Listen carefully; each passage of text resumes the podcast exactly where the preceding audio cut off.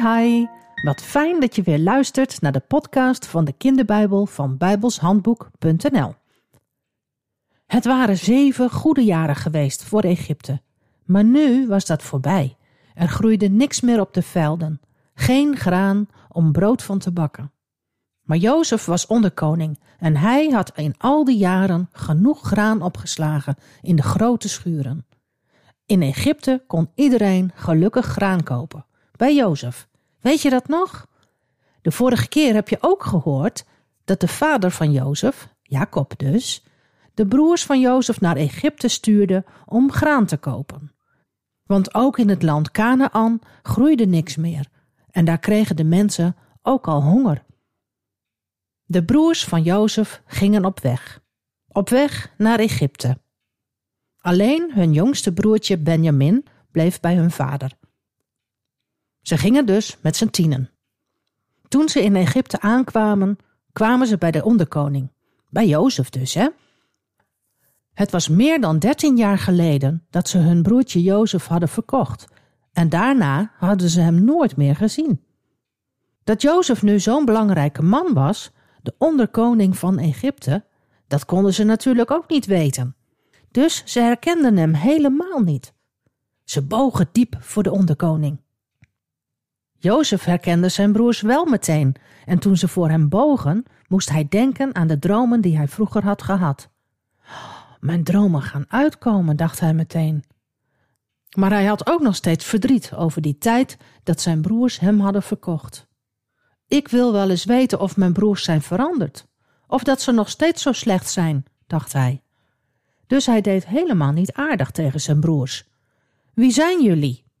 Ik denk dat jullie bedriegers zijn, zei hij. Dat zijn we niet, zeiden de broers. Wij zijn tien broers die in Egypte graan willen kopen. Ons jongste broertje en onze vader zijn nog in Canaan en daar hebben ze erge honger. Maar Jozef bleef boos en hij zei dat ze hun jongste broertje dan maar moesten ophalen, om te bewijzen dat ze niet hadden gelogen. Een van de broers, Simeon, moest in Egypte blijven in de gevangenis en hij moest daar blijven wachten tot ze terugkwamen. Ai, dat was niet best. Nu moesten de broers terug naar hun vader zonder Simeon en ze moesten hem vertellen dat Benjamin mee zou moeten naar Egypte. Oei, ai, ai. Dat zou Jacob niet leuk vinden. Ze gingen op weg. Gelukkig kregen ze wel genoeg graan mee naar huis. En toen ze in Canaan aankwamen, schrok Jacob inderdaad heel erg en hij wilde er niets van weten. Nee, dat nooit, riep hij uit. Niet Benjamin. Ik ben Jozef al kwijt, dat is erg genoeg. Dus ze bleven in Canaan. Maar het graan raakte op en de mensen kregen weer honger. Toen zei vader Jacob: Jongens, ga maar naar Egypte, want als we geen graan kopen, gaan we hier allemaal dood van de honger.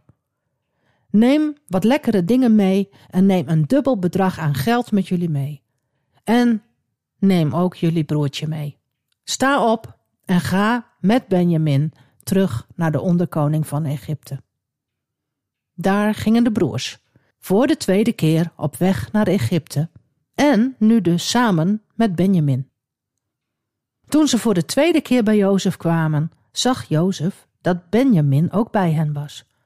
Jozef was nu helemaal niet boos meer. Hij was zo blij dat hij Benjamin zag. Hij nodigde de broers uit om bij hem in huis te komen eten. En Simeon werd vrijgelaten uit de gevangenis. Gelukkig, wat waren ze blij om Simeon weer te zien.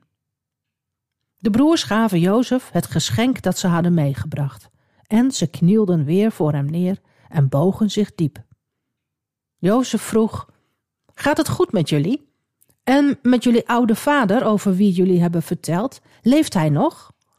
Ja hoor, zeiden de broers, het gaat goed met onze vader. Hij leeft nog. En weer knielden ze neer en bogen zich diep. Toen keek Jozef naar zijn jongste broertje Benjamin. Hij vroeg: Is dit jullie jongste broer, over wie jullie het hadden? De broers knikten. Jozef zei tegen Benjamin: ik wens je Gods zegen toe, mijn zoon. En toen liep Jozef snel weg. Waarom? Hij was zo blij dat hij Benjamin weer had gezien dat hij ervan moest huilen. Maar dat wilde hij zijn broers niet laten zien natuurlijk. Hij ging naar een andere kamer en daar huilde hij. Daarna waste hij zijn gezicht en hij kwam weer terug. Zet het eten maar op tafel, riep hij. Jozef liet de broers op volgorde van hun leeftijd aan tafel zetten. De oudste broer zat vooraan en de jongste broer achteraan. De broers keken elkaar verbaasd aan. Hoe weet die onderkoning dat? Hoe weet hij hoe oud wij zijn? dachten ze. Het eten werd op tafel gezet en er was voor iedereen meer dan genoeg te eten en te drinken. En toch gaf Jozef Benjamin vijf keer zoveel te eten als de anderen. Waarom was dat? Nou, Jozef wilde testen of de andere broers nu jaloers zouden worden op Benjamin. Maar dat werden ze gelukkig niet. Ze aten van het heerlijke eten en ze dronken van de wijn. Ze dronken zoveel wijn met elkaar dat ze er dronken van werden. Wat zullen ze lekker geslapen hebben die nacht? Het was een goede avond geweest. Wat er de volgende dag gebeurt, hoor je de volgende keer. Luister je dan ook weer? Tot dan. Hi hi.